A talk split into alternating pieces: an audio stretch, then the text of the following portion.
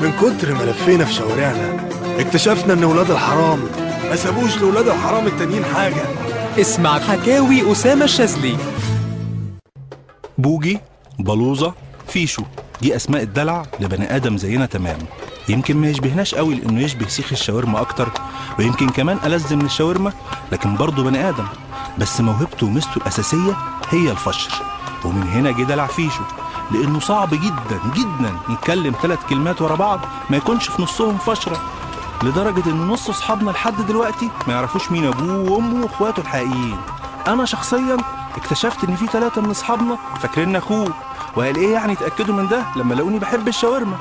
المشكلة الحقيقية بقى في التعامل مع بوجي هي الأزمات اللي بيمر بيها. ما تبقاش عارف كصديق المفروض تقف جنبه وتساعده ولا تعتبر المشكلة اللي بيحكيها لك مجرد فشرة جديدة وتتريق عليها؟ وده طبعا بيجرح مشاعره لو كانت المشكلة حقيقية. بس الحل اللي توصلنا له بعد شوية إنه لما يحكي لك مشكلة تسكت خالص وتقوم متصل بصديق مشترك بينكم تخلي بوجي يحكي له المشكلة من أول وجديد. وهو غالبا غالبا عمره ما حكى حكاية واحدة مرتين زي بعض. ده هيخليك تكتشف إذا كان بيفشر ولا بيقول الحقيقة. وغالبا وأكيد هيطلع بيفشر. لكن بصراحة آخر مرة كان شكلي وحش قوي. لما قالوا لي إن بوجي رجليه اتكسرت في الثورة. قلت إيه أكيد فشرة جديدة. ومن إمتى يعني وبوجي بتاع ثورات؟ بس اكتشفت فعلا بعد عشر أيام إن رجليه فعلا مكسورة.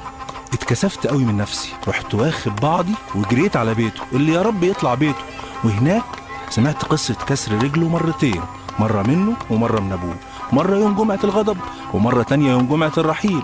وهناك قابلت عم حنفي جاره اللي هو كمان كان جاي يزوره.